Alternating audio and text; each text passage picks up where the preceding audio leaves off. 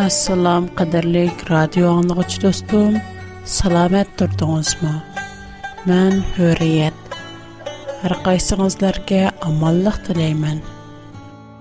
Құран-қарім, мүқәддас кітап, Тәурат, Инджил дөғрөлөк немерейді? Алдымен Тәурат, Инджил Худаның сөзі ме? Құран неме дейді? 2-ші сүре Бақар 101 ularga Allah tərəfindən qollarındakı kitabni təsdiqləyən bir peyğəmbər gəlsə, bilməydigəndək Allahın kitabını arxasına çöürütüdü. Bu ayətdə Təvrat Allahın kitabı da atalğan. Чөнки Qur'anдан бурын фақат Таврот ва Инҗил бар иде. Шуңа Худа 4-нче сүре Ниса 136-нчы аятта кирәк Менің китапларымға Тәурат вә Инжилға итаат қылыңлар. Болмаса, қаттық озған бұлысылар демейді. Бүтін мұқаддас китап Тәурат Инжил Алладын келген. Тәурат Инжилда бәзі тұнымайдыған пейғамбарлар бар. Оларның хәмісіні худа әбәткен. Герче бұ пейғамбарларның хәмісі Құран кәрімдә тұллық бір-бірләп тұлғейленмеған болсымы, әмма Құран кәрім бұ пәйғамбарларының Құда тәріпіден әвәтілгәлдікіні, оларға шеніш керәклігіні үйдіду. 4-нче сүре Ниса 163-нче 164-нче аятны күреп бакайлы. Без Вә онан дән кийинки пайгамбарларга вахир кылгандек, ҳақиқатан саңа вахир кылдык. Һәм дә Ибрахимга, Исмайилга, Саққа, Яқубқа, Яқубның авлодларыга, Исага, Ойыбқа, Юнусқа, Арунга, Сулайманга вахир кылдык. Даудқа, Забурны ата Без нургон пайгамбарларны әваттык. Уларның арасында элгире саңа баян кылганларыбыз мо бар? Саңа баян кылмаганларыбыз мо бар? Алла Мусага сөз кылды. Шуңа гәрчә уларның һәммәсе тулык тылгы эленмәгән булсымы, әмма уларның һәммәсе Алладан килгән. Biz bəzidə Təvrat, İncildən bəzi peyğəmbərlərini anlığınımızda, ular Quran-Kərimdə tilgə elinməğanlığı üçün ularının rastlığına gumani nəzərdə qarayımız. Bunda qilish naiti xata. Quran-Kərimmu bunda qılıqlarını azğallıq dəb əyibləydi. Gerçi Quran-Kərimdə müqəddəs kitab Təvrat və İncil – Allah'ın sözü, Allah'tan kelgen dep eniq tur simo, amma biz köpçemiz bu kitaplar özgergen, burumlanğan deymiz. Allah'nın sözünü özgergen dep bunınğa şək yazdırmız. Agar biz Allah'nın sözü bolğan Tevrat və İncilni özgərdi desək, ondaqda Allah'nın sözü özgəramdı? өзнең сүзләре булган мөхәсәс китапларны күргде алмады. Коран Каремдә Алла мөхәсәс китапны күргдәшкә вадә 15нчы сүре, 9 10 13нчы аят. Шәк бесез ки сенеңдән илгәре бурынкы һәр кайсы тайибларга Улар Куранга ишенмейди. Бу бурундан адат булып калган эш. Бу аятны тахлил кылып көрәйле. Улар Куранга ишенмейди. Бу бурундан адат булып калган эш. Мош аят ялгыз Куранны көрсәтәмдо? Энечкә тахлил кылып көрсәк, бу һәркез ялгыз Куранга картылган эмас. Чөнки Qur'андан бурын неме бар? Таврот ва Инҗил бар. Qur'andan burun hargiz Qur'onning mavjud bo'lishi mumkin emas. Bu burundan odat bo'lib qolgan ish ekan, ondaqda kishilar ilgirimo Tavrot va Injilga shak keltirgan ham uningga ishonmagan. Hozirgi davrimizdami o'xshash. Mushu oyat Резнам бүгенге дәврimiz күң маскылды. Чөнки без мүкъаддас китап, Таврот вә Инҗил гышәмәйбез.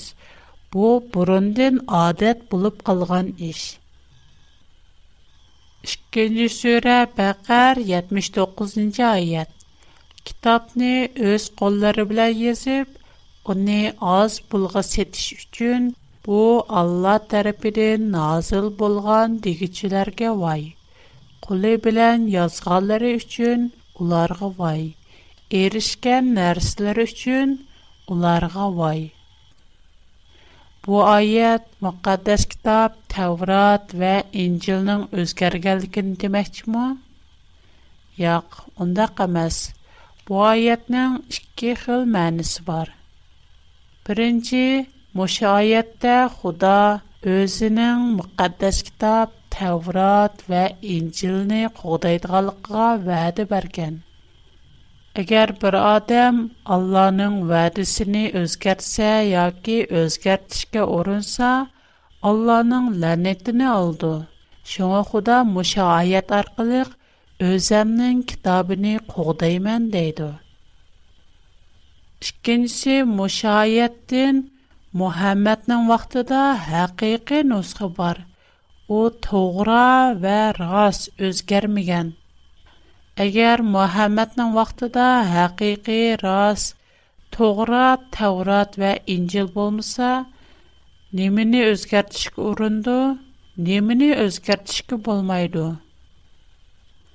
Bu ayət yüzək yolda ayət özgərgən davat qandaq qılsımı, əmma bu ayət yenələ şu ya'ni yahudilarning qo'lidagi Tavrot va Injilning haqiqiy to'g'ri ekanligini ishorat qildi. Demak, bu oyat bizga ikki masalani tushuntirib turdi. Biri Alloh o'z so'zini noyati qattiq qo'g'daydi. Kimki Allohning so'zini o'zgartirishga urinmoqchi bo'ldi ekan, u intayin ig'ir la'natni oldi. yana biri Muhammad vaqtidagi Tavrat va Injil nihoyatda to'g'ri.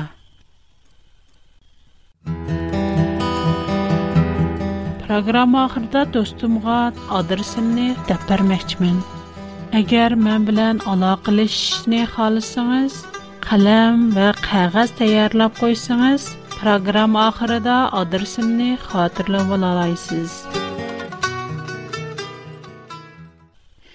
بۈتۈن مۇقەددەس كىتاب ئاللانىڭ كىتابى قۇرئان كەرەمدە تەۋرات ئىنجىل ئۆزگەرمىگەن ئىككىنچى سۈرە بەقەر قىرىق قىرىق بىرىنچى ئايەت ئى ئىسرائىل ئەۋلادى مېنىڭ سىلەرگە بەرگەن نېمىتىمنى ياد ئېتىڭلار ماڭا بەرگەن ۋەدەڭلەرگە ۋاپا قىلىڭلار مەنمۇ سىلەرگە قىلغان ۋەدەمگە ۋاپا Мән дәллақ куркыңлар.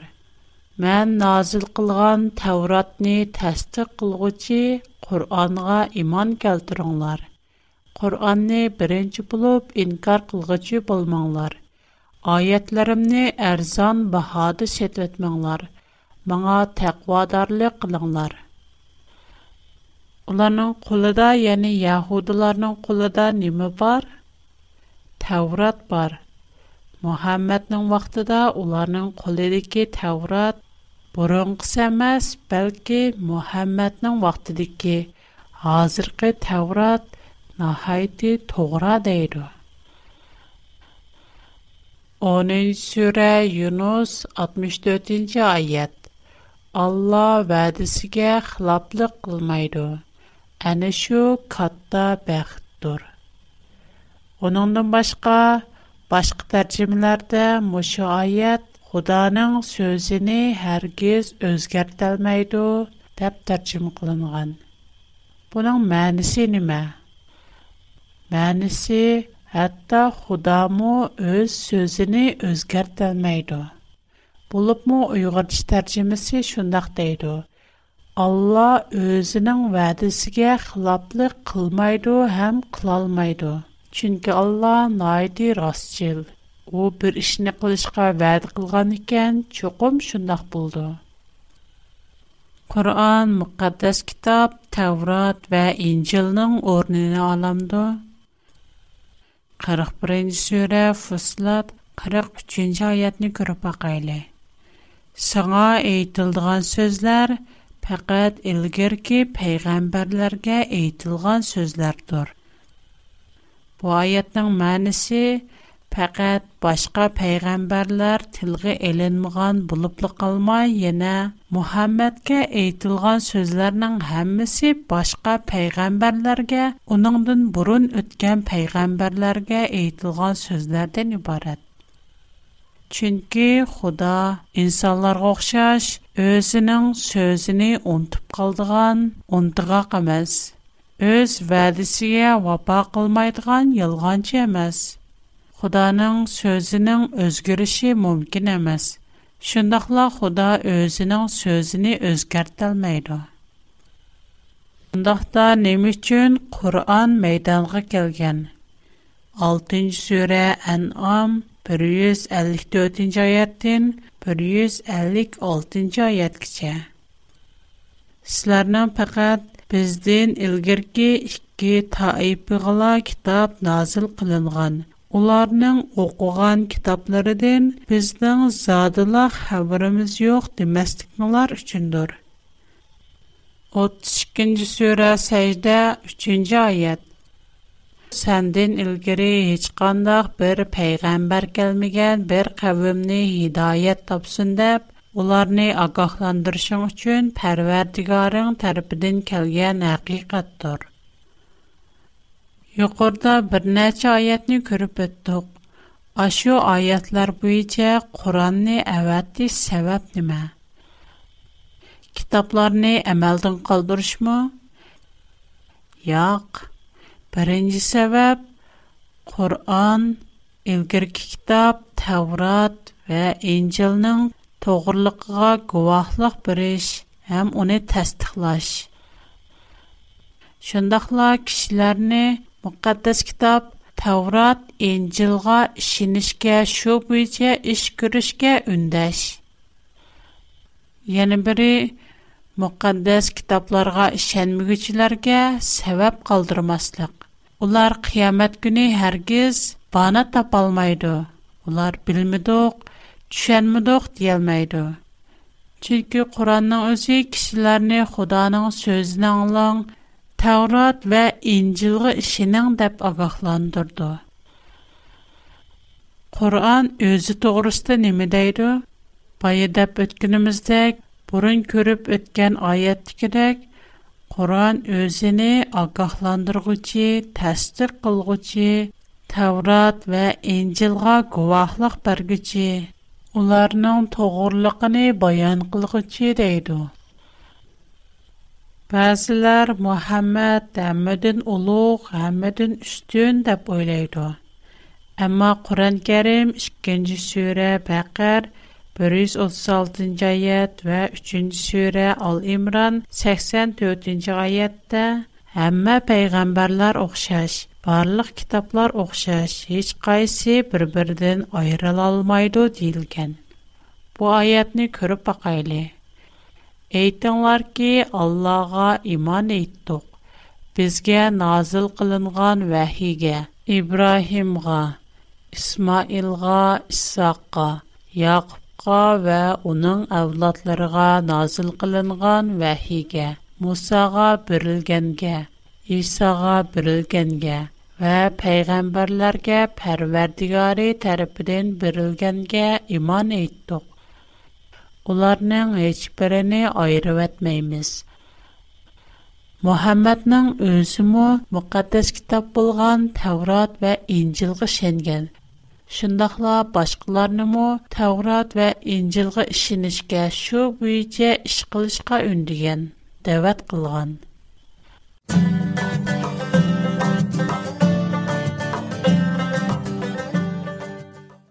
Ba'zilar Xudoning kitobi to'g'ri, ham ishonamiz. Biroq u bizning qo'llanma emas, u bizning yetakchi emas, ijro qilmayman deydi.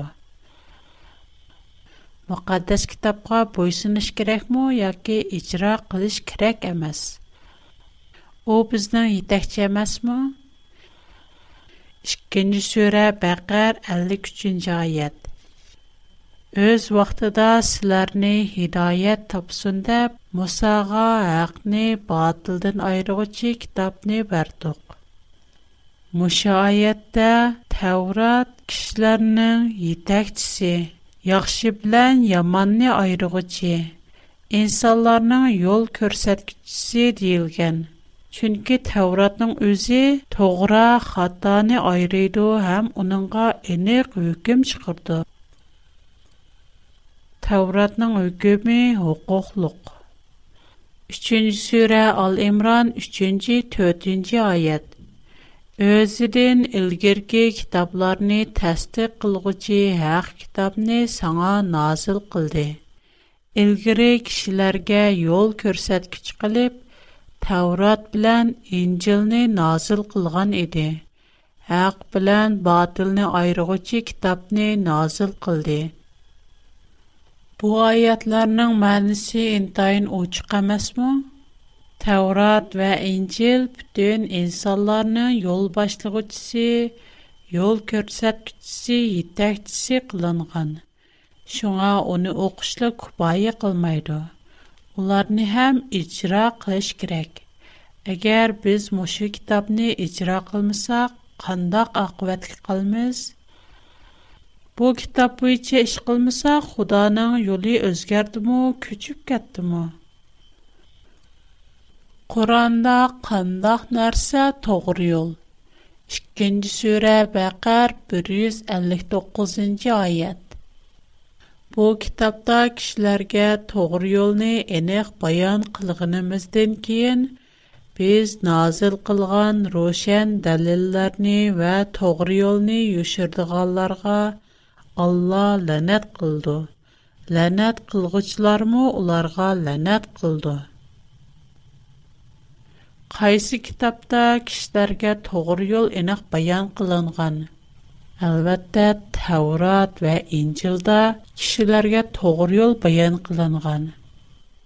Худаның ішариди вә вәхиси уларның құлыды бар, яни, яһудларның құлыды бар. Болмаса, улар неміні юшырды? Хеш неміні юшыр алмайды. Әгер оныңға бойсынмасақ, нәг барымыз? Худа бізге муқаддэс кітап, Təvrat və İncilni icra qılmaslıqni hərgiz demedi. 2-ci surə Bəqər 87-ci ayət.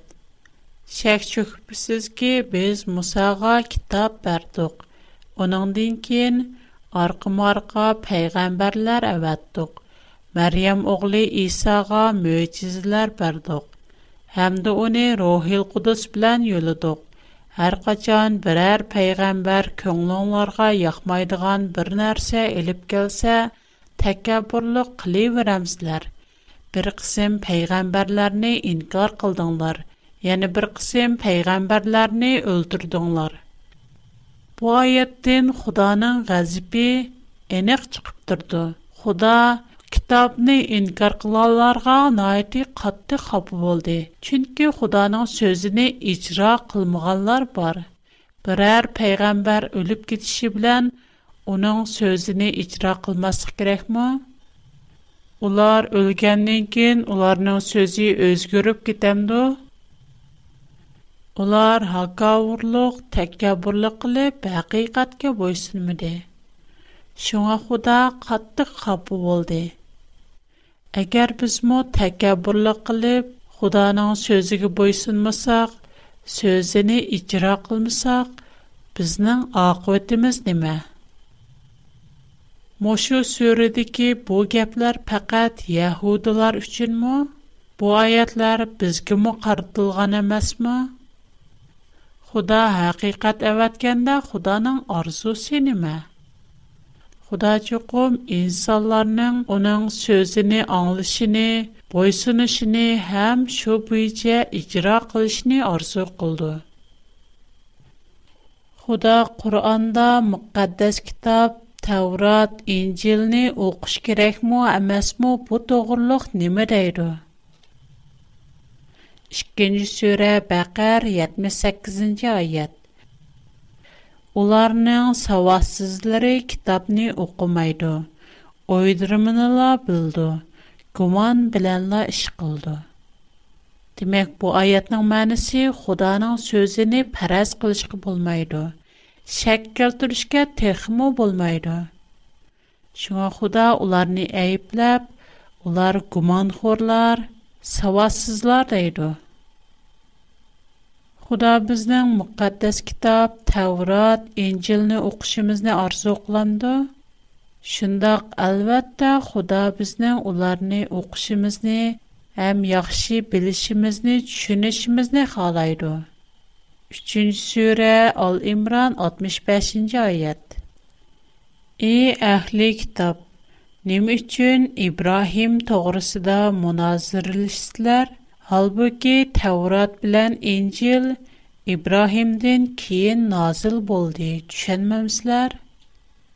Demək şu çağda müqəddəs kitab Təvrat, İncil Yahudilərin qolunda bolsunmu, amma bəzi Yahudilar kitabni yaxşı oxumağan yoki düşənməyən. Şuna Xuda onları əyibləyən. Yana şu surə 79-cu ayət. Алла برر инсанга غا کتاب نه حکمت кин, پیغمبر لح نه برگندین کین اون اینکشیلر گه الله نه قیوب معا بند بلون لار دیشی لایح بول میدو ولی کین کتاب نه یقعد کلیکن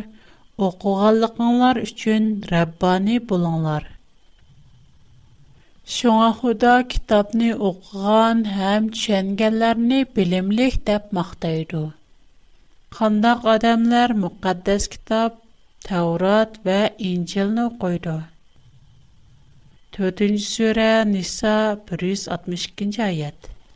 Уларның іщчидики билими чонқур болғаларға саңа назыл қылынған китапға. Сандин илгири назил қилинған китабларға иман ийтидған мюминлерге, Аллаға ва ахирет күнеге иман ийтпучыларға катта айчир қилиміз. Бу айятларды бәк билимлик адам муқаддас китаб, таврат ва инцил ну қойду. Бу китаблар ну қан кишілар билимлик. Алла біздің Təvrat və İncilğa işinişimizni ümid qılamdı. 57-ci surə Hədir 19-cu ayət və 10-cu surə Yunus 95-ci ayət. Allah'a və onun peyğəmbərlərə iman etdilər. Ana şular Pərverdigarının dərgahında sidiqlardır. Bizning ayətlərimizni inkar qılğanlar və yalğanğa çıxarğanlar – Әнә шулар әһли дозаҡтыр. Сән һәргиз Аллаһның аятларын инкар кылгучылардан булмаган, зыян тартучылардан булып ҡалсан. Bu ayətlərin mənası Allah bizdən bütün müqəddəs kitab, Tevrat və İncilğa işinişimizni ümid qıldı. Əgər biz İncil və Tevratni inkar qılsaq, çoxum ziyan tartqucu. Bundaqda Алла bizning бүтән muqaddas kitob Tavrat va Injilni qabul qilishimizni orzu qilamdi yoki bir qismnimi? 3-nji sura al imron 184-nji oyat. Ular seni yolg'onga chiqargan bo'lsa, sendin ilgari o'tgan mo'jizlarni, kitoblarni va nurli kitobni Elib kelgen nurgun peygamberler mu yalganga çıkırılgan Бу Bu yerde deyil vatkan nurluq kitab dəl xudanın sözü bolgan Tevrat və İncildur. Tevrat və İncil nurluq kitab, onunda nur və hidayet bar.